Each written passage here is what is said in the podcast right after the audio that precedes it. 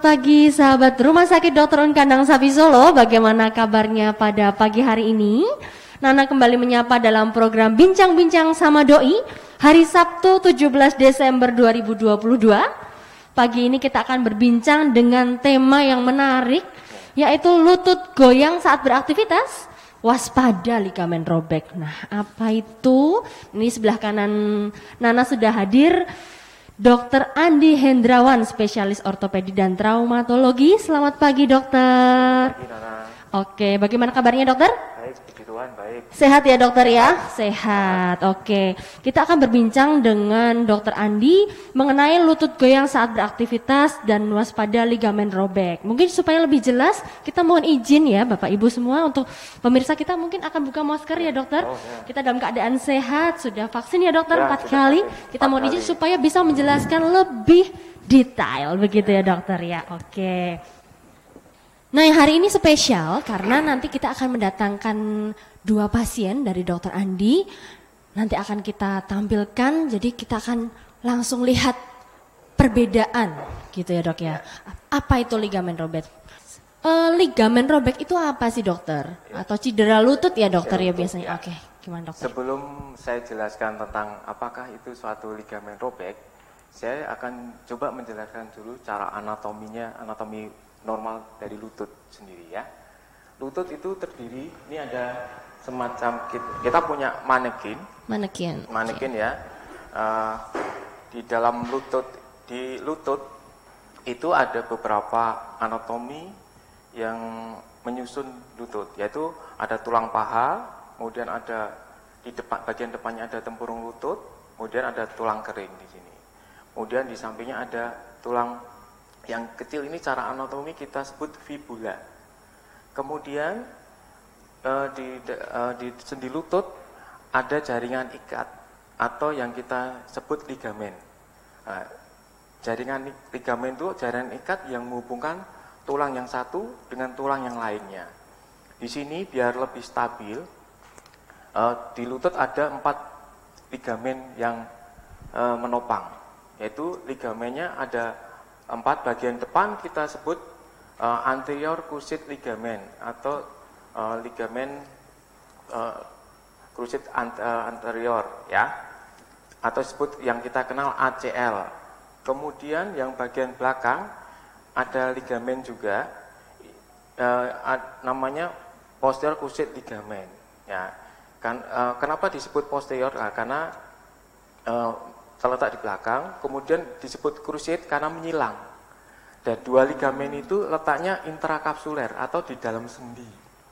Kemudian ada dua ligamen lagi yang menopang sendi lutut ada dua yaitu medial collateral ligamen. Letaknya di bagian dalam, lutut bagian dalam sini. Ini lutut eh, sebelah kanan kita ya. Nah, kemudian ada lateral collateral ligamen. Nah, disebut lateral karena bagian luar, di luar dari kita. Dia eh, menempel dari tulang paha ke tulang fibula yang kecil itu. Kemudian ini yang menyebabkan ini kuat. Nah, kuat menopang seperti ibarat kursi. Kalau kuat dia menopang dengan empat kaki, ya. Ini sama dengan empat empat Ligamen. ya. Oke. Kemudian ada juga di antara itu ada meniskus yang disebut meniskus ban- sebagai bantalan, bantalan sendi. Nah, itu nanti akan dijelaskan lebih lanjut apakah bantalan itu. Kemudian ada juga di sini ada articular surface di sini, articular surface ya. Nah, ini kalau orang ngomong tulang rawan sendi. Nah, ini kalau pada orang tua sering menyebabkan nyeri di sini. Kemudian ada juga eh, tempurung lutut yang tadi atau patella yang disebut ini sebagai extensor mekanisme yaitu waktu kita meluruskan lutut nah itu dibantu dengan seperti ini ini dengan patella tendon ya itu eh, anatomi yang eh, Anatomi lutut ya dokter. sendi lutut ya sendi lutut. Oke. kemudian tadi pertanyaannya Pertanyaan ligamen robek itu yang mananya dokter? Ah, ini tadi saya sudah jelaskan. Di sini ada empat, Empat, ligamen oke. yang menyusun. Ada ACL, PCL, MCL, LCL. Nah, yang paling sering itu ligamen yang paling sering itu ligamen bagian depan. yang kita ketahui tadi kan ligamen jaring ikat yang menghubungkan tulang satu dengan yang lainnya. Ya. Lah, fungsi ligamen bagian uh, depan ini fungsinya uh, dia tidak mengikat apa menahan translasi atau pergeseran tulang kering ke depan. Nah, itu fungsinya yang ACL. Okay. Kemudian yang PCL atau posterior cruciate ligamen dia menahan pergeseran tulang kering ke belakang. Okay. Nah, itu. Kemudian yang ke yang ke bagian dalam atau MCL yaitu menahan pergeseran tulang kering ke bagian dalam, kemudian sebaliknya latar kolateral ligamen menahan pergeseran sendi uh, apa pergeseran sendi tulang kering ke bagian luar. Nah, itu ada yang sering yang terjadi cedera itu ligamen bagian depan. depan ya. Okay. Itu menyebabkan karena ya, struktural bagian depan itu yang kerjanya paling ya berat lah. Jadi sering sendiri. Kemudian uh, dia menjadi cepat aus rusak ya. oke. Jadi kalau salah satu robek tentu yang membuat lutut itu jadi tidak, bisa goyang ya, maju ya dok kalau yang stabil, depan jadi tidak stabil ya. kaitan dengan fungsinya tadi. Oke. Ya. kemudian Lalu, ada juga cedera ya? yang lainnya. Apa itu dok? cedera bantalan atau meniskus yang kita sebut tadi. Yang di dalam tadi di ada dalam ya? tadi ini. Oke. Nah, ini. Nah, kalau bantalan rusak, dia akan tulang rawan sendi yang tulang paha bagian atas dan tulang rawan sendi bagian bawah akan saling bergesekan dan akan cepat aus. Akan jadi cepat terjadi pengapuran sendi lutut atau osteoartritis. Oke. Okay. Ya. Penyebabnya tadi berarti karena cedera ya dokter ya? ya? Bisa cedera. jatuh, bisa Penyebab sendiri dari cedera ligamen ada beberapa macam ya. Hmm? Uh, seperti kita ketahui uh, mungkin dari olahraga. Olahraga bisa olahraga rekreasi maupun olahraga yang memang profesional atlet. Oke. Okay. Uh, terus kemudian bisa juga alas kaki yang tidak sesuai. Pokoknya kita uh, alas kakinya terlalu licin. Oh uh, iya, iya. Sepatunya sepatu sepatunya selalu licin memakai pakai untuk olahraga, jadi hmm. mudah kepleset. Oh gitu. Kemudian okay. Uh, lantainya, umpamanya kita di futsal di rumput sintetis, itu kan licin dibandingkan yeah. rumput yang biasa. Nah itu bisa menyebabkan cedera juga. Oke. Okay. Uh, macam-macam atau waktu kita aktivitas yang berlebihan, berat, berlebihan, ya, naik turun tangga. Uh -huh. Atau olahraga yang berat, tiba-tiba uh, intensitasnya meningkat yang tiba-tiba, kemudian bisa juga kita olahraga tanpa pemanasan, nah itu bisa menyebabkan cedera. Oke, ya, jadi memang penyebabnya bermacam-macam ya dokter ya. ya. Lalu risiko dokter jika terjadi cedera lutut ini mekanisme terjadinya cedera dan pencegahannya nanti gimana tuh dokter? Ya, mekanisme terjadi cedera seperti yang saya jelaskan tadi akan bisa terjadi macam-macam uh, penyebabnya. Risikonya, uh, makanya kita, uh, risikonya kita harus aware apa yang kita mau lakukan olahraga itu. Jadi pokoknya kita risiko uh, ini mau risiko mau futsal uh, ke rumput yang bukan sintetis tapi rumput yang alami. Nah, itu okay. mencegah tidak licin. Kemudian pakai sepatu yang yang tidak terbuat dari plastik atau terbuat dari karet yang licin, tapi terbuat dari uh, dari yang uh, karet yang khusus memang untuk diperuntukkan untuk olahraga itu. Nah, kemudian aktivitasnya jangan tiba-tiba langsung berubah, berubah. Ya, ini dari okay. intensitas ringan langsung ke berat. Nah, itu harus bertahap. Dari sedang ke berat. Nah, baru ada tahapannya. Kemudian kita harus selalu sering melakukan warming up atau pemanasan. Pemanasan sebelum, dahulu sebelum olahraga ya dokter. Olahraga. Ataupun aktivitas lain aktivitas gitu ya dokter. Oke. Okay. Dan jangan lupa kita juga harus melakukan peregangan setelah aktivitas yang berat juga. Oke. Okay. Ya. Lalu kelompok usia yang paling sering terjadi cedera tuh usia ya. berapa nih dokter? Cedera pada lutut bisa terjadi pada berbagai usia. Yaitu bisa usia anak-anak, pada usia dewasa, pada usia yang tua. Pada usia anak-anak, aktivitas anak-anak kan kadang berlebih, sering bermain, tiba-tiba terjatuh mengenai lutut. Nah itu bisa juga mengenai lempeng pertumbuhannya. Nah, jika cedera tidak tertangani dengan baik, nanti lempeng pertumbuhan akan terganggu. Akan terganggu sehingga pertumbuhannya uh, tidak antara kanan kiri kemudian tidak sama. Itu salah satu itu. Pada kelompok usia yang olahraga yang dewasa, seperti yang saya jelaskan tadi, bisa juga olahraga yang uh, yang terlalu berlebihan, uh, maka bisa mengenai cedera pada ligamen dan bantalan. Kemudian pada usia tua, usia 50 tahun, 60 tahun ke atas, tapi masih olahraga yang high impact, lari, maraton, atau olahraga yang triathlon, ya, sepeda yang menanjak, itu menyebabkan uh, beban lutut menjadi lebih dibandingkan yang olahraga yang di, uh, uh, yang biasa-biasa aja atau umur yang sebelumnya yang uh, tulang rawan sendinya masih masih tebel atau ligamennya masih kuat, mm -hmm. nah itu akan uh, akan menyebabkan cedera. Dan okay. itu mengakibatkan kalau pada orang tua karena tulang rawan sendinya sudah terjadi penipisan, jadi lebih tepat terjadi luka dan luka-luka itu akan terjadi pengapuran sendi yang lebih awal. Harusnya umur 60 tahun ke atas 70 tahun, ini 50 tahun sudah menjadi pengapuran sendi lebih awal atau early OA di situ okay. Ya, jadi bisa berbagai kelompok usia bisa terjadi cedera. Oke oke dok. Lalu jika tiba-tiba nih dok, mungkin yang kita belum tahu ya dokter ya, mungkin tiba-tiba kita tidak merasakan gejala, lalu kita baru beraktivitas yang mungkin berlebih itu, iya. tiba-tiba yeah. terasa nyeri nih dok. Yeah. Nah, pertama yang harus kita lakukan apa nih dok? Pertama, pertolongan pertamanya. Pertolongan pertama untuk cedera lutut itu uh, pertama kita harus mengistirahatkan lutut itu.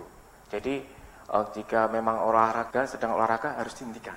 Nah, Oke. Okay. Mungkin harus dihentikan. Kemudian harus dikasih ice. Uh, fungsinya ice di situ untuk menghentikan perdarahan. Jadi di dalam pembuluh darah terjadi vasokonstriktif, jadi pembuluh darah menyempit, jadi tidak mengurangi perdarahan mm -hmm. dan jika jadi mengurangi pembengkakan dan mengurangi nyeri di situ. Kemudian kita bandit kompresi. Di situ ketika terjadi cedera lutut, dia akan kemungkinan lutut menjadi goyang atau tidak stabil, kemudian dikompresi, dibandit, nah itu akan menyebabkan lutut menjadi lebih stabil, lebih stabil. Okay. Kemudian kita elef, uh, kalau bisa pos, uh, berita itu posisi tiduran, kaki diganjel bantal atau guling atau apa pun yang ada di situ yang lebih tinggi dari dada. Menyebabkan aliran darah yang waktu uh, dipompa darah ke bawah itu langsung bisa ke atas lagi, ada darah baliknya lebih lancar di situ dan kemudian sampai juga bisa uh, waktu kalau suatu waktu yang cedera uh, yang tiba-tiba mungkin ada teman yang membawa suatu obat nyeri ya silakan dibeli obat nyeri untuk untuk untuk pain kontrolnya nyerinya karena cedera lutut seperti itu sangat nyeri sekali. Sangat nyeri ya dok ya. Dan itu uh, baiknya memang harus segera dikonsultasikan ke dokter ya. ya harus ya, dibawa ke rumah dokter. sakit atau konsultasi ke dokter. Hmm Andi di Rumah Sakit Dokter Kandang Sapi Solo. nah, sebagai informasi untuk sahabat Dokter Un, kita juga dilengkapi fasilitas untuk menunjang mengetahui ini ya dokter ya. ya. Apa aja sih dokter biasanya supaya kita bisa, uh, misal udah udah diketahui wah ini ligamennya robek itu diketahui dari pemeriksaan ya. apa aja nih dok? Ya, jika pasien datang ke poliklinik ortopedi. Dan ada cedera lutut datang ke poliklinik ortopedi. Di ya. situ akan dokter akan melakukan anamnesa atau pertanyaan-pertanyaan bagi, uh, bagaimana cedera lutut sudah terjadi sejak kapan. Terus kita periksa, uh, setelah kita bertanya kita periksa secara fisik juga. Mm -hmm. nah itu uh, apakah di situ dibandingkan antara kanan kiri juga apakah di situ ada ada pembengkakan atau tidak. Terus kemudian ada suatu nyeri tekan tidak di situ. Kemudian ada rentang gerak sendi yang uh, kurang uh, yang terbatas karena nyeri di situ. Kemudian setelah terdapat pemeriksaan kita dari pemeriksaan itu kita sudah bisa menyimpulkan 70 sekitar 70% dari anamnesa dan anamnesik 70% didapat. Kemudian kita tegakkan diagnosis yaitu dengan X-ray. Dengan X-ray ya. Dengan X-ray uh, ronsen atau ronsen lutut.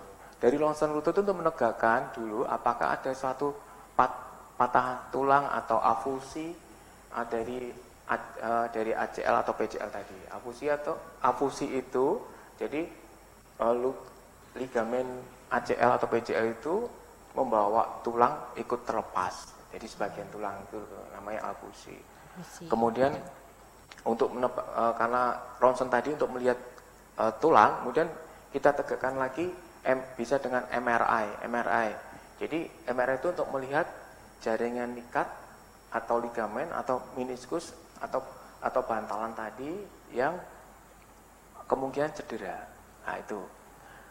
Mau di sini sudah ada MRI yang sudah uh, lengkap ya, dokter ya. Kita ya. dilengkapi dengan MRI. Dua, tampilkan gambar MRI. Ada juga. tampilan gambarnya ya, oh, dok ya. ya. Uh, Di slide 3. Ya, 3 itu. Mungkin nah. Oke. Okay. Ya, itu MRI kita udah berapa satu satu, satu setengah Tesla ya, ya satu setengah Tesla. Ya, cukup detail untuk mengetahui cedera-cedera ligamen dan cedera meniskus pada okay. lutut. Ya. Jadi sudah sangat mendukung untuk ya. mengetahui cedera ini ya, ya dokter ya. ya. Oke. Ini ada gambar apa lagi nih dok? Mungkin mau dijelaskan dulu sebelum nanti pertanyaan dari sahabat dokter Un yang mau bertanya hmm. boleh nih. Ya. Okay. Oh. Ini dok, oh ini sudah ada masuk pertanyaan dari Jihan. Sebentar. Jihan bunga 6. Dok, apakah anak-anak bisa mengalami lutut goyang? Lalu jika sudah memiliki riwayat cedera ligamen, apakah masih ber, o, boleh berolahraga dan olahraga apa yang dianjurkan? Ya. Seperti yang saya ceritakan tadi di awal, anak-anak karena e, kalau ketemu teman bermain kadang-kadang tidak tidak tentu arah, kadang aktivitasnya lebih banyak ya dok ya. ya. Kemudian bahkan e, karena kadang e, perkiraannya juga masih rendah, jadi loncat sana loncat sini nah, kemudian bisa kebentur uh, kebentur lututnya bisa kebentur sesuatu pan jatuh kita mekanisme injurinya kan ada beberapa macam dari cedera lutut kita berlari kemudian tiba-tiba berhenti nah, itu yeah. menyebabkan beban lutut ligamen itu lebih berat nah, itu bisa menyebabkan cedera anak-anak kan tidak memikirkan seperti itu ya perkiraannya belum meloncat ya. posisi meloncat uh, antara lutut dan kaki tidak simetris, tapi ada agak belok ke kanan atau uh, belok ke dalam atau belok keluar. Nah, itu kan bisa. Bisa menyebabkan. Ya. Oke. Okay. Bisa menyebabkan in, uh, ini atau peregangan yang uh, pas waktu uh, main bermain bisa karena disenggol, nah itu tidak cedera lutut juga. Nah, itu bisa menyebabkan sangat bisa sekali. Oke. Okay. Kemudian untuk olahraga, Dok yang yang mas yang tadi berarti untuk usia anak itu oh, bisa ya dok ya, ya bisa, memungkinkan bisa. sekali karena aktivitas anak yang masih yang mungkin lagi aktif-aktifnya ya, belum ada perkiraan ya. untuk lompat sana lompat sini jadi memungkinkan untuk bisa mengalami ya, bisa, lutut bisa goyang ya dokter ya. ya atau cedera lutut. Hmm. Lalu untuk tadi dok e, jika sudah dari riwayat cedera ligamen tadi apakah boleh berolahraga dokter? Olahraga apa yang ya. dianjurkan? Oke, ini uh, kita bicara untuk cedera ligamen ada dua macam, maksudnya ada yang usia memang usia yang produktif dan usia yang tidak produktif. Olahraga boleh tetap bisa olahraga jika memang uh, pada tapi olahraga yang low impact, tidak high impact. High impact mau dan tidak ada kontak sama sekali. Nah, umumnya high impact kita lari, lari sprint, nah itu nggak boleh. Kita olahraga loncat jauh atau ini nggak uh, lari loncat yang loncat tinggi juga nggak boleh olahraga yang basket eye contact eye contactnya tinggi Dengan kemudian apa? atau sepak bola atau futsal nah itu juga tidak boleh oke okay. kemudian uh, apalagi tadi selain olahraga apa berarti dok yang dianjurkan? Hmm, Kalau uh, olahraga yang apa yang kan tadi ini, itu. Jadi yang, yang low impact berarti ya dok ya? Apa aja tuh dok? Kita pokoknya harus sepeda. Sepeda pun ada aturannya tidak harus berlebih lebih dalam arti dengan orang mengira oh saya pengen cepat sembuh harus sepedanya satu hari bisa satu jam. Tapi setelah itu melakukan lagi satu minggu kemudian. Nah itu tidak efektif. Karena uh, otot itu butuh uh, terus menerus bukan langsung dari ini terus seminggu lagi nah itu meloncat tuh nggak tidak boleh. Untuk nah sepeda harus teratur. Kalau bisa bisa tiap hari 15 sampai 30 menit. Berdasarkan usia juga. Kalau usia muda dianjurkan 30 menit, tapi usia yang tua cukup dengan 15 menit. Kemudian bisa juga diselingi olahraga e, renang, renang dengan renang itu bisa, tapi jangan terlalu lama juga. Renang bisa seminggu e, kalau memang ada waktu ada seminggu dua kali atau tiga kali kalau tidak ada waktu seminggu cukup sekali. Tapi yang penting rutin dengan, ya dokter tapi ya. Tapi rutin harus rutin.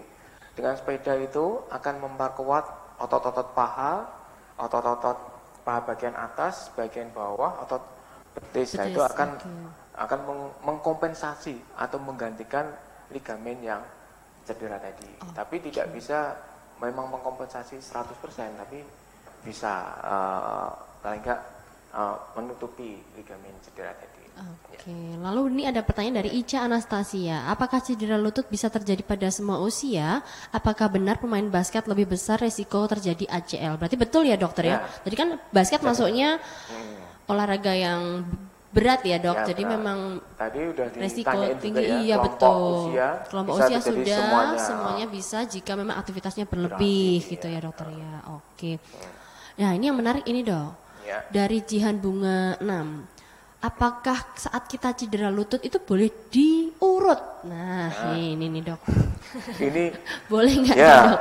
Ini uh, ini sebenarnya yang sering yang uh, diketahui masyarakat biasanya cedera itu, wah uh, mungkin masyarakat perkotaan sudah tidak langsung ke tukang urut ya atau ke dukun apa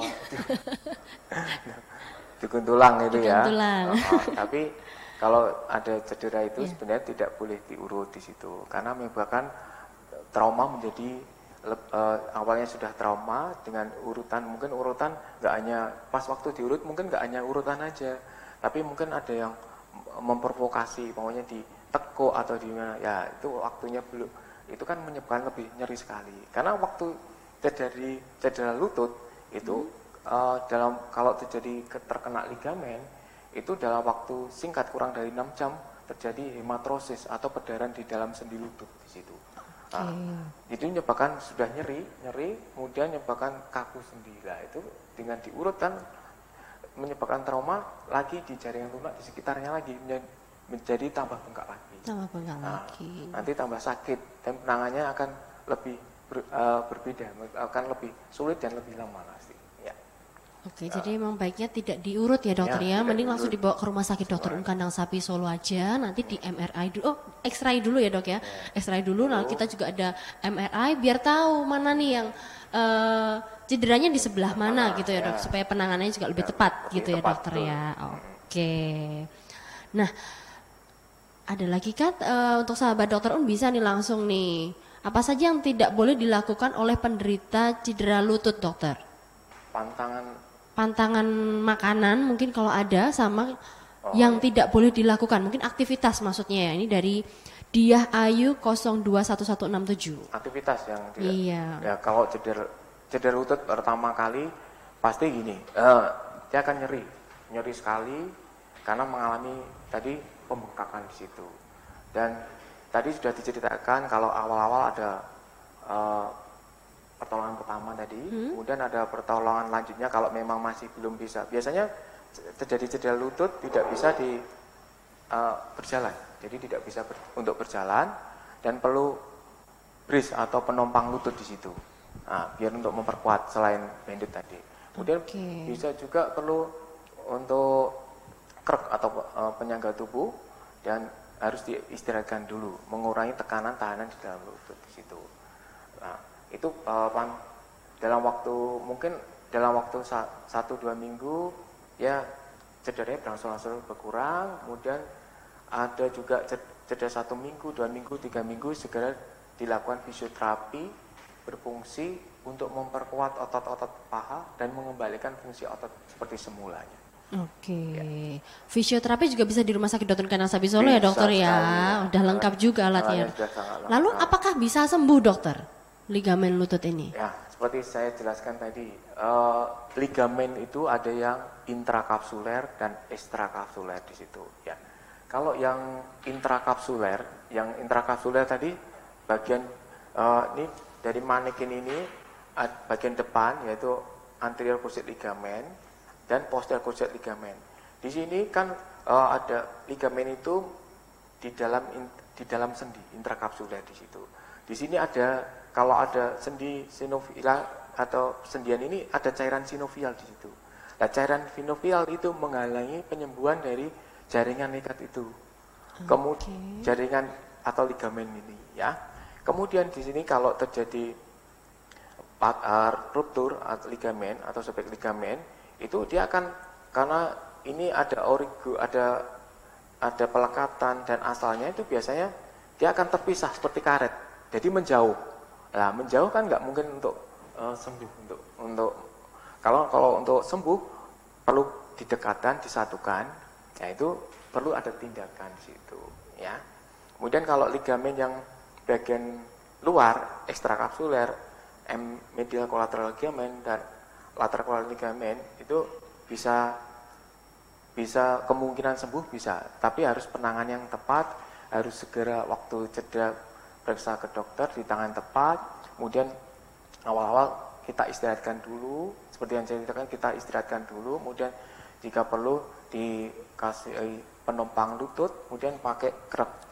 Nah, okay. itu kemungkinan diistirahat dulu sekitar 6 sampai 8 minggu karena penyembuhan untuk ligamen itu sekitar seperti itu. 6 sampai di, 8 minggu. Ya, di dalam ekstrakapsuler tidak ada cairan sinovial, jadi kemungkinan untuk sembuh yang menghalangi penyembuhan jaring ikat itu tidak ada di situ. Nah, ini ada kemudian biasanya juga tidak melesat seperti di dalam sendi ini uh, di dalam intrakapsuler. Nah, ini biasanya cedera itu kalau di MCL, kalau bukannya cedera yang trauma yang berat, biasanya uh, hanya mikrotrauma ataupun cedera Oh, sebelum kita singgung ada tiga cedera ligamen yaitu hmm. ada tingkat tingkatan. Tingkatannya. Ya, tingkat pertama itu cedera mikrotrauma atau hanya uh, seperti uh, ketarik aja, ketarik itu.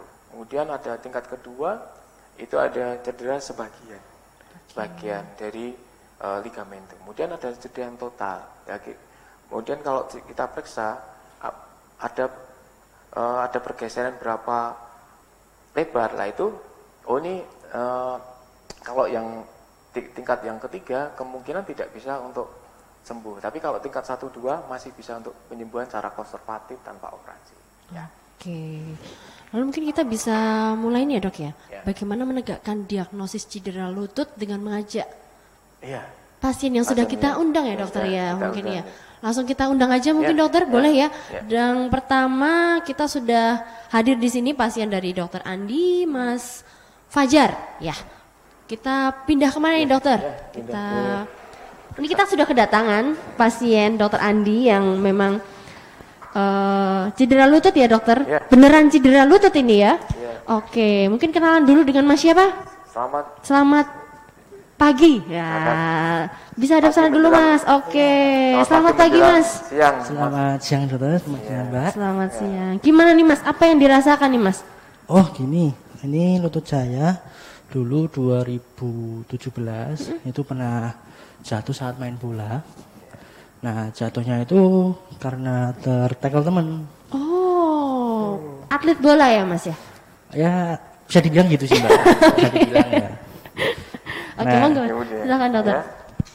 Kamu ceritain aja. Cerita dulu ya. Lalu, terus gini, uh, habis jatuh tuh dok, itu habis jatuh itu terasa nyeri dan kayak ada bengkak-bengkaknya dikit, nggak bisa diluruskan nggak dan nggak bisa buat ditekuk juga buat jalan tuh kayak pincang gitu loh dok. Yeah.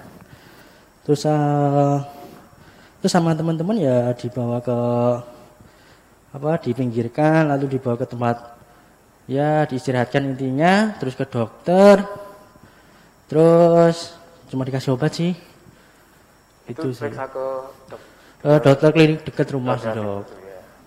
itu Kemudian beberapa hari masih merasakan Terus beberapa nyeri. hari masih terasa nyeri, nyerinya sangat ya, ya nggak hilang, malah tambah, menetap. Tambah bengkak. Tambah bengkak jungkel. Buat jalan tambah sakit, ditekuk pun juga nggak bisa, aktivitas juga terbatas. Ya. Nah. Berarti mengganggu aktivitas Ya, ya. sangat-sangat mengganggu sekali. Ya. Kemudian di uh, kemudian setelah itu di Setelah itu saya uh, periksa ke rumah sakit dokter Un ke okay, poliklinik ortopedi. ortopedi. Nah, itu kan ketemu sama dokter Andi. Ya. Ya alhamdulillah ditangani sama dokter Andi juga. Langsung ya. Langsung sama yang ahlinya juga gitu. Oke. Okay. Nah, dari situ saya dijelaskan dan terdapat kayak robekan. Oke. Itu, ligamennya. uh, tapi kan uh, saya cerita mendapat uh, spek ligamen ya. Kemudian seperti tadi dikatakan diagnosis dengan X-ray, kemudian dengan MRI ya. Nah, Berarti sudah mengal- sudah, menjalankan apa? X-ray, Sudah menjalankan X-ray sama Oh, untuk X-ray sudah, MRI juga ya, MRI Mas, juga ya? sudah. Oke. Tahun berapa itu Mas berarti? Itu kurang lebih 2017-an. 2017. Lalu untuk sampai sekarang gimana nih dokter? awal-awal disarankan apa? Nah, jadi Nah, ini dari dokter Andi sebenarnya habis X-ray sama MRI, di dari dokter Andi kan disarankan untuk operasi. Ya. Cuma kan saya ada terkendala di mental juga ada, Oke. di ya Banyak otomatis hal ya banyak ya? hal yang belum harus di- siap gitu belum ya. gitu. Oke. ya untuk melakukan tindakan operasi Iya, memang dokter. tergantung satu uh, pasien karena pasiennya siap ada apa enggak karena setelah operasi akan melakukan fisioterapi yang panjang Nah, Oke. untuk penyembuhan mengembalikan fungsi otot dan kembali bisa olahraga Ya. atau uh, ya seperti itu jadi harus siap dulu secara mental nah, kemudian kalau memang tidak siap harus disiapkan juga untuk memper, uh, Mengurangi ini ya, Dok, uh, ya? fisioterapi kemudian untuk memperkuat otot-otot paha dan otot Betis. betis sebagai pengganti kom- sebagai kompensasi pengganti ligamen tadi nah, Oke. kemudian setelah ini dari tahun 2017 17 tadi ya. ya kemudian 2017. setelah itu uh, ini menginjak ke 2022 22. Wah, sudah lima tahun berarti ini belum dioperasi ya, Mas ya? Belum saat ini belum. Oke. Kemudian apa yang dirasakan? Se- eh, apakah se- eh, Rentan eh, waktu eh, lima rentan tahun lima ini ya? tahun nih, Lututnya gimana? Apakah makin sakit atau gimana atau Eh, gini, kalau kemarin oh dulu kan disuruh operasi tapi saya kan nggak kan nggak mau. ya? Nah itu kan buat aktivitas kan masih sakit, tapi saya paksakan gitu kan. Oke. Terus lama kelamaan jalan saya itu udah nggak stabil, Jalannya tidak stabil. nggak stabil buat naik tangga turun tangga itu kayak ada kaki itu terasa kayak tertinggal gitu loh, kayak mau jatuh waktu ke depan waktu itu loh. lari cepat, jadi merasa ketinggalan. Kakinya ketinggalan. Iya, saya, saya ketinggalan padahal masih nyatu. Padahal Iya, iya, iya, iya. ya. berat ini. Kemudian, ini berarti makin parah ya? Makin parah ya. dengan- Tidak karena tidak segera diberikan tindakan. tindakan ya, Ah. dokter ya. Ya, berkaitan ini saya jelaskan juga. Silakan, dokter. eh, eh, jika tidak segera dilakukan operasi, karena memang ini aktivitas kit- aktivitas yang karena masih muda, aktivitasnya kan masih tinggi, kemudian masih senang olahraga, kemudian masih bekerja yang melakukan mungkin aktivitas fisik yang berlebih juga. Nah itu menyebabkan apa? Akan memperparah struktur tulang di lutut tadi. Seperti yang dijelaskan, mungkin kemungkinan ada nggak hanya ligamen kemarin eh, ligamen bagian depan ya, bagian depan yang yang atau ACL itu yang rupture, yang awalnya mungkin hanya sebagian atau tidak penuh, hanya eh, grade 2 uh, atau grade 3 uh, awal, tapi ini jadi lebih parah, jadi lebih parah. Kemudian bisa juga merembet ke ligamen yang lainnya. Kemudian bisa juga bisa terkena bantalan atau meniskus yang tadi yang uh, untuk sebagai shock breakernya. Kalau uh, untuk menyebarkan fungsi meniskus sendiri sebagai pelindung atau bantalan untuk melindungi gesekan tulang rawan sendi di bagian tulang paha dan tulang rawan sendiri bagian atas dari tulang kering. Nah itu dan untuk menyebarkan eh, ancaman ke ke seluruh biar tidak terlalu menghantam antara tulang atas dan tulang bawahnya. Nah itu akan akan mempercepat. Di situ juga fungsi ACL selain menahan tulang kering ke depan juga menahan terjadinya rotasi yang berlebih. Nah itu rotasinya juga akan mengalami eh, mengalami suatu kelainan dan akan merusak tulang apa meniskus itu dan akan lama-lama merusak tulang rawan sendi menyebabkan eh, pengapuran sendi yang lebih awal. Ya, Oke. itu kalau tidak dilakukan segera Tidak tidak dilakukan segera operasi, operasi, ya, dokter. ya. Lalu nanti ke depan gimana Mas? Ini sudah siap apakah Ya. untuk Eh, lakukan tindakan Nah, operasi dalam jangka? Boleh, dulu, ya. boleh dokter langsung Nah. dipraktekkan periksa ya dokter. Ya. Dalam Oke. jika tolong ini diangkat ke atas ya Mas Fajar. Ya, ini kita harus memban kalau sebelum resa kita harus membandingkan kanan kiri apakah ini eh, apakah ada suatu kelainan tidak ada perbedaan. Ini ya tanya ini karena sudah lama tidak terlalu bengkak. Jadi tidak terlalu bengkak Dan kemudian uh, tidak terlalu nyeri tekan juga di situ karena sudah lama, sudah kronis istilahnya. Kemudian setelah dibandingkan kanan kiri ini di juga uh, kita periksa apakah memang dia ada rentang gerak sendinya terbatas. Nah, dia sudah kembali karena sudah mengalami fisioterapi dan juga di aktivitas yang seperti biasa. Jadi rentang gerak sendinya sudah kembali di situ. Oke. Okay.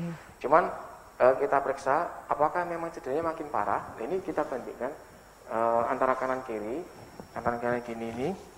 Apakah tadi apakah kena cedera e, ligamen bagian belakang? Kita lihat. Nah, ini ini masih sejajar tuberositas tibinya masih uh, dengan ini yang menonjol tulang menonjol itu masih sejajar. Jadi PCL uh, eh, atau posterior gusset ligamnya belum terkena di situ. Okay. Mungkin kemungkinan hanya ACL-nya yang uh, masih ACL-nya mungkin tambah parah di situ. Tapi kemungkinan bisa juga terkena meniskusnya di situ, ya. Kemudian kita periksa di sini. Nah, ini Mas. Kemudian kita periksa untuk melihat apakah ada ligamen yang sobek di situ. Nah, ini kita periksa untuk antiradiolitas tadi karena fungsinya tadi mengurangi apa menahan pergeseran ke depan. Nah, ini lah ini terlalu maju mundur lah. Ya. Dibandingkan kanan dan kiri terlalu maju mundur, dia masa tidak stabil kocak. Kemudian kemudian kita periksa ini nah, gerakan ini terasa sekali klek klek klek klek klek nah, ini terasa sekali. Kemudian kita periksa meniskusnya apakah sudah terkena di sini. Nah ini periksa meniskus, nah, ini digerakkan ke lateral untuk mengetahui apa minikus yang bagian luar atau minikus oh, bagian dalam. dalam mulai dari uh, mulai dari ne neko kemudian diluruskan. Nah dicoba. Nah itu. Dia akan merasakan kesakitan kalau memang kena, sudah kena minikus. Oke. Okay. nah, sakit ya? Apa mas yang dirasakan? Hmm. yang dirasakan sakit yang klek klek klek gitu. Ya nah, berarti kemungkinan bisa menambah. Jadi selain ACL kemungkinan bisa meniskus karena fungsi ACL tadi menahan uh, rotasi juga. Hmm. Nah, ini kan kena meniskusnya juga. Ya, gitu. Oke. Okay. Terima kasih Mas Fajar. Silahkan ya. duduk kembali.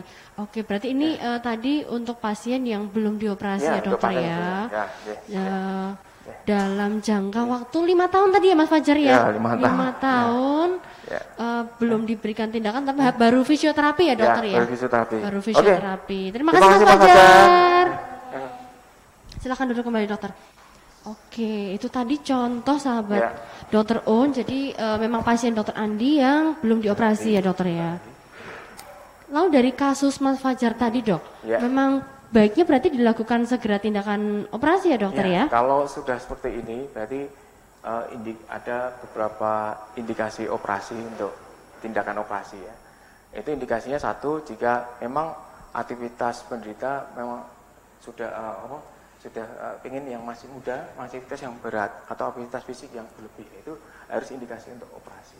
Okay. Kemudian kalau sudah mengenai ligamen atau bantalan ligamen yang lainnya atau uh, ligamen tidak hanya satu, tapi ligamen ACL dan MCL atau ligamen bagian depan dan bagian dalam. Nah itu. Kemudian atau atlet yang profesional atlet maupun rekreasional yang ingin segera aktif lagi ya itu harus segera dioperasi. Okay. Atau hanya ACL murni tapi yang sudah parah, sudah total rupture sudah. Jadi terasa uh, bergoyang sekali. Lututnya terasa tidak stabil atau mudah goyang. Jadi dari tingkat-tingkatan tadi, yeah. maunya dari tingkatan ligamen tadi kan kalau ada cedera ligamen itu namanya sprain tingkat ada tingkat 1, 2, 3. Nah ini sudah menginjak ke tingkat 3. Berarti Mas Fajar tadi sudah masuk uh, tingkat 3 ya, ya dokter ya? Jadi uh, lutut tidak punya kemampuan untuk menahan untuk jadi stabil. Dan tingkat dua aja lutut sebenarnya sudah warning apakah memang perlu operasi apa enggak. Karena untuk menggerak kita jika untuk e, mau berdiri atau berjalan sejenak lutut perlu waktu menempatkan diri menempatkan lutut pada tempatnya baru bisa berjalan. Nah, itu. Okay. Itu sudah mulai tanda-tanda ada lutut tidak stabil atau mudah goyang. Ya. ya semakin ditunda berarti uh, mengakibatkan komplikasi yeah. ke yang lain ya dokter ya? Ya komplikasi yang lainnya akan memperparah. Nah untuk yeah. indikasi operasi ACL, apakah ACL bisa sembuh tanpa operasi dokter? Jadi udah. Sudah ya, bisa ya. ini ya, bisa, bisa dengan bisa. visio. Uh, ACL tidak mm -hmm. bisa sembuh tan uh, tanpa operasi, tapi bisa kalau eh, Didukung. ditunda, Ditunda. atau memang kalau pada usia-usia tua yang aktivitasnya tidak berlebih atau aktivitas fisiknya juga berlebih, lebih, eh, dia akan memper, kita anjurkan untuk memperkuat otot paha. Otot paha itu nggak Betis. hanya hanya bagian atas tapi bagian belakang juga, otot betis, otot bokong atau pantat. Nah, itu untuk sebagai kompensasi ligamen yang cedera tadi. Kemudian eh, kalau yang memang pada usia muda disiplin saya sarankan untuk segera, segera dilakukan dilakukan tindakan operasi. operasi. Oke. Ini ada pertanyaan dok dari sahabat dokter Un dari Nurima underscore 09. Dok, saya pernah mengalami cedera jatuh. Awalnya lutut saya bengkak. Setelah sembuh, lutut saya seperti tidak menyatu. Itu gimana ya dokter? Nah, ini persis seperti yang saya ceritakan tadi, yang kita bicarakan tadi ya. Ya. Memang awal-awalnya kalau terjadi, terjadi cedera lutut, awalnya akan bengkak. Jika ligam, jika kita eh, ligamen, pat, ligamen terkena itu kurang dari 6 jam sudah sangat bengkak sekali. Itu per- itu terjadi perdarahan di dalam lutut, di dalam sendi lutut. Kemudian kalau bantalan yang terkena biasanya satu hari baru bengkak. Nah, tapi untuk memastikan itu ya segera periksa ke dokter memastikan apakah ini memang kena ligamen atau terkena meniskusnya atau bantalannya itu. Kemudian eh, memang akan jika kita lihat ligamen itu menyompang menopang lutut dari empat sisi, bagian depan, bagian belakang, bagian dalam, dan bagian luar. Jika salah satu tidak tidak menyatu, akan tidak stabil di situ. Jadi merasa ada yang terlepas, ada yang umpamanya kita mau mulai suatu jalan atau lari, ada yang bagian yang ketinggalan. Nah, itu, Oke. itu berarti sudah tambah dari awalnya masih lumayan baik, tambah parah. Oke dokter, Ya. sekarang kita mungkin masuk ke operasi ya dokter ya? Ya. Nah ini gimana nih? Ada gambaran nggak sih dok operasi itu bagaimana untuk mengatasi ligamen robek ini? Oh ya, coba. Ya, eh, kita lihat dulu ya sebelum operasi MRI-nya tadi. Ini MRI, Ya, ya gini kita. slide di- nomor 14 ya Nah, dokter ya? Op- sebelum operasi kita tadi kan ditekan diagnosis dengan MRI. Ya. Jadi tetap eh, kita sebagai patokan awal tuh MRI-nya nanti sambil waktu di lantai operasi bisa dilihat memangkah benar-benar oh ini ligamen yang eh, yang spek yang mana atau bantalan yang eh, spek yang mana. Di sini di Dokter Un sudah ada eh, eh, dengan penanganan yang baik sudah ada artroskopi yang lengkap ya. Tower artroskopi sudah di sini ada malah ada dua karena di sini ada selain artroskopi bisa juga alat ini bisa digunakan untuk laparoskopi juga. Di sini tower ya. Kemudian eh, prinsipnya di data nomor 16 ya. Oke, Ya, slide nomor 16. 16. Kita mengerjakan artroskopi dengan minimal invasif. Minimal invasif itu jadi ini bisa nyambung nggak? Bisa, bisa. Ah, minimal invasif, jadi diiris sedikit sekitar setengah senti seba- eh, sebagai alat artroskopi atau melihatnya. Kemudian eh, sebelah, sebelah luar, kemudian diiris se- setengah senti juga untuk melihat eh, sebagai alat instrumen. Atau nanti ada irisan satu lagi sebagai instrumen juga tambahan, aksesoris namanya di situ. Ya. Jadi sudah minimal invasif, tidak dibuka lebar ya. Kemudian eh, slide nomor kemudian ini kan eh, slide nomor anu Mbak, nomor 16. 17. 17, oke. Ya. Kita turunkan nomor 17. Ini ini artroskopi yang waktu kita kerjakan ya di Rumah Sakit Dr. Uni ya. Ini baru saya kerjakan mungkin baru beberapa hari yang lalu. Oke. Kemudian naik slide 18. Slide 18. Ya, ini kita iris hanya sedikit sekali irisan, terus kemudian ada semacam jaringan lunak itu ada terang-terangnya itu ada light source namanya eh, apa cahaya. Jadi kelihatan langsung di monitor. Kembali lagi ke slide 17. 17, Nah, ini oke. ada monitor yang bisa kita lihat eh, ke atas ya.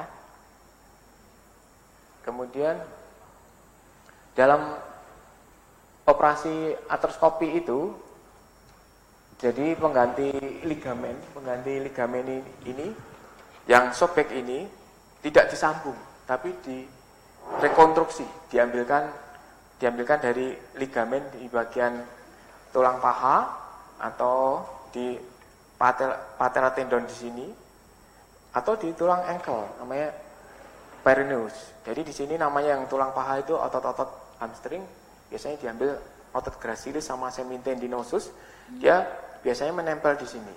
Nah, kita butuh irisan sekitar 3-4 cm irisan untuk mengambil graf atau tendon untuk sebagai pengganti ligamen situ atau di patellar tendon di tengah-tengahnya ini atau kadang di ankle otot-otot peroneus di sini ya. Otot-otot bisa ada beberapa macam.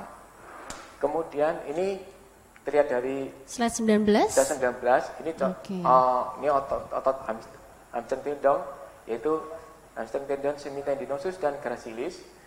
Nah, ini yang yang slide yang tengah itu kita ada irisan 3 cm 4 cm bisa meng, irisan seperti itu bisa mengambil ten, panjang tendon sekitar jadi 24 cm.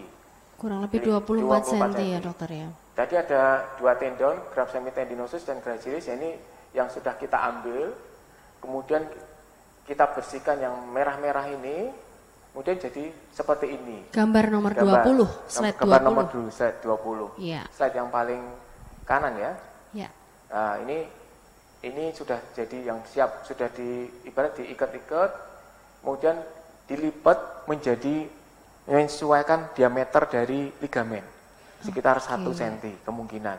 Nah, itu bisa dapatnya bisa kalau pada perempuan bisa 0,7, bisa 0,9 bisa 0,8 kita kemarin dapat 0,9 itu karena orangnya mungkin sering olahraga jadi otot-otot tendon semitendinosus dan grasisnya tebel kuat okay. nah, kemudian dilipat tadi kemudian dipasang alat namanya endobaten untuk sebagai bantuan untuk memasukkan gerak tadi ke di dalam tulang ya kemudian set selanjutnya ini 21. Uh, ini graf yang lainnya. Tadi bone patellar tendon bone. Tadi saya sudah jelaskan menyinggung sedikit, yaitu di tengah, yaitu sebelumnya masih utuh, kemudian di tengah diambil. Ini hasilnya, ya. Bisa pakai itu juga, bone patellar tendon. Jadi uh, baik mana? Nah, itu menurut ke, menurut kebutuhan. Jadi kalau lebih kuat, sebenarnya gini, lebih kuat lebih kuat ke bone patellar tendon bone karena penyembuhannya tulang sama tulang. Tapi kalau yang otot tendon tadi grasi sama spinodus uh, ya 90%, 85% itu menyerupai tendon asli, tapi lebih kuat kembalinya ke bone patellar tendon bone karena dia akan lebih cepat kembali karena lebih cepat menyatu. Lebih tapi cepat menyatu. akhirnya pada akhirnya kekuatannya akan sama. Kalau latihannya sama, apa yang sama juga sama. Latihan sama, kembali sama, fisioterapinya sama, ya kan sama juga. Yeah. Kemudian uh, selain itu jika sudah itu sebagai alternatif-alternatif yang digunakan. Jadi selain tadi kan ada ligamen ada empat, jadi ada ACL, ada PCL, ada MCL, LCL. Itu jika salah satu yang sobek kan uh, sudah dipakai yang ACL, yang PCL mungkin ngambil yang itu ya.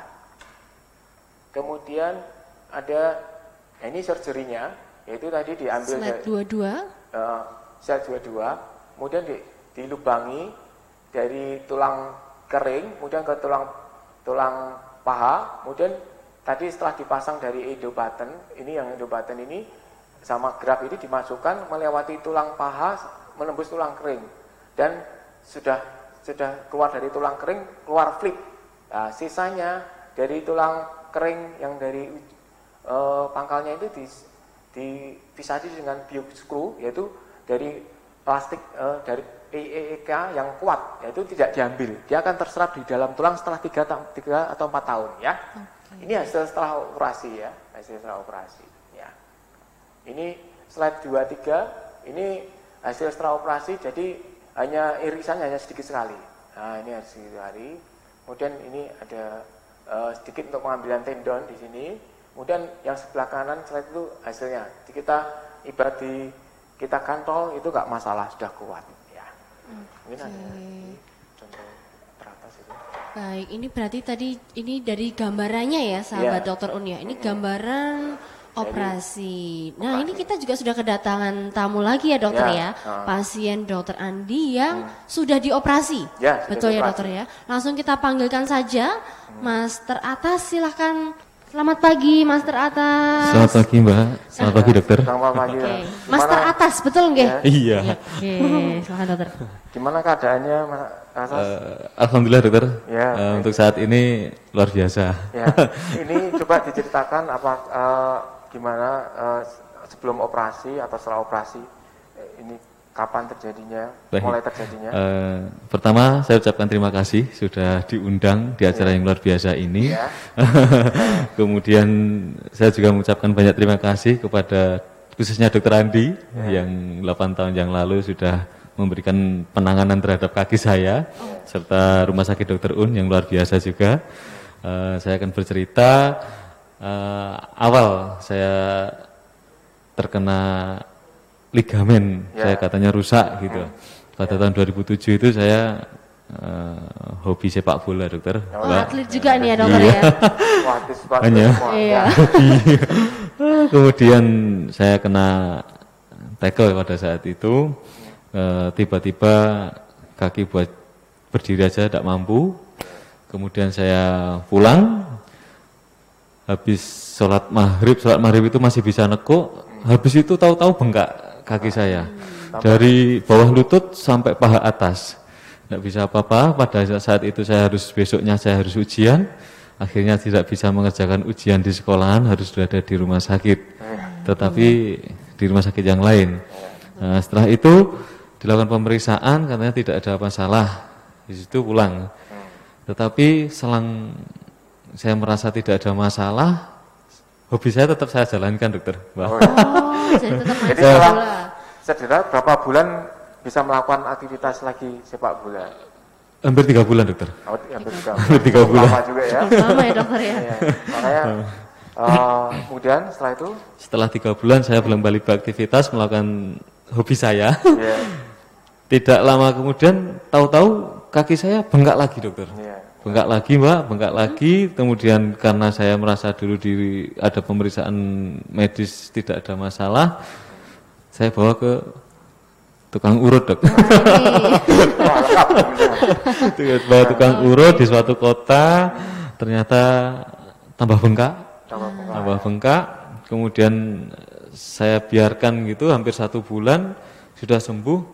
Saya kembali lagi berolahraga lagi, aktivitas sepak bola lagi. Setelah lima tahun, setelah lima tahun, tetapi dalam perjalanan dari saya pijat sampai ke lima tahun ini, ketika saya berlari, kemudian saya meloncat, itu ketika turun tuh lutut kayak mau lepas. gitu. Mau lepas, ya. Iya dok. Tidak Nyer- stabil. Tidak stabil, nyeri. Kemudian tiba waktunya pada saat itu lima tahun, kok merasa nggak nyaman. Saya naik turun tangga, ketika turun tangga itu sering jatuh sendiri ya saya. Bisa jatuh sendiri. Bisa jatuh sendiri tanpa penyebab gitu. Kemudian ketika ada darah dingin, misalkan kita main ke Tangmangu gitu, kaki ini terasa kaku, nggak bisa nggak bisa ditekuk kayak dicengkerem gitu. Sama lurus kurang bisa ya. Nggak bisa dok. Nggak- Ketika posisi lurus harus lurus terus. Ya. Saya harus harus ke mana? Saya bingung. Kemudian saya cari literatur, saya baca-baca, harus ke dokter tulang. Dokter tulang mana yang dekat dengan rumah ya ada di dokter Un. Saya ketemulah sama dokter Andi pada saat itu. Saya dilakukan pemeriksaan. Oh, saya didiagnosis ligamenmu ini sobek. Nah, ligamenmu sobek. Saya pada saat itu lima tahun tidak berani, tetap tidak berani operasi. Masih belum berani Masih. saat itu ya. masih masih apa masih aktivitas lagi tapi dapat obat dari dokter Andi disuruh operasi tapi saya belum berani saya Belum masih berani takut Persiapan men- Persiapan mental. Persiapan mental tadi yang paling penting ya dokter ya. Fisioterapi yang panjang. nanti masih takut nanti kenapa Kemudian kenapa setelah itu berapa setelah tahun? itu 8 tahun kemudian 8 tahun dari eh cedera. 8 tahun dari cedera berarti setelah itu tenang tiga tahun kemudian Kemudian, oh. ya tahun tepatnya itu bulan Agustus 2015 saya mau nggak mau harus operasi saya tambah, datang tambah parah ya. Tambah parah, dokter. tambah mudah jatuh. mudah jatuh kemudian ke- eh, gaya berjalan saya itu sudah berubah Berubah ya. kayak eh, yang kanan itu kayak tidak ada tenaga. Nah, Saya lakukan pemeriksaan ke dokter Andi lagi katanya ini ototmu sudah mengecil. Oh gitu. Iya, jadi efek samping itu ototnya menjadi mengecil. ototmu sudah Yaudah, mengecil. Kita Silakan. se- segera op- uh, Oke. lihat dulu ap- hasilnya, hasilnya setelah operasi 8 tahun yang lalu ya. Ya, oh. silakan. 8 tahun yang lalu. Ini sebelah lutut sebelah kanan. Oh ya. Sebelah kanan. Ini hasil Ya, bisa setelah di- operasi ya dokter ya? Bisa disut, Mbak, hasil Oke. operasi. Nah, coba saya periksa dulu. Bisa disut. Ini terlihat eh, irisannya hanya sedikit, sedikit. Kemudian irisan yang tadi pengambilan grab juga hanya sedikit ya. Hanya 3-4 cm tadi. Kemudian ini juga, eh, maaf, agak ke sini. Nah, ini ini terasa stabil. Nah, lebih stabil. Enggak, Oh, enggak, enggak, iya, enggak iya, iya. seperti tadi ya. Nah, kemudian ini juga terasa stabil. Ya, ya. Oke. Oke. Ya, oke. Udah. Oke, berarti sekarang yang dirasakan apa nih mas? Sekarang udah bisa main sepak bola lagi? Sekarang sudah bisa main sepak bola lagi. sudah tidak merasa nyeri, Sudah tidak ya, terasa harus- nyeri? tapi tetap hati-hati kata dokter. Andi. Oke, tetap harus hati-hati. Iya, sekali lagi saya ucapkan terima kasih ya, Dok. Ya, sama-sama. Terima kasih Mas Iya, Rata sama-sama, waktunya. Oke.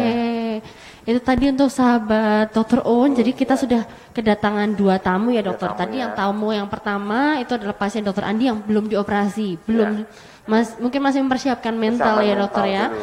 Oke, lalu yang kedua ini yang sudah dioperasi Dioperasi, ya. dengan luka yang sangat sedikit ya dokter ya. Minimal, sudah minimal 8 sekali tahun ya. yang lalu ya. 8 tahun yang lalu. Oke. Ya.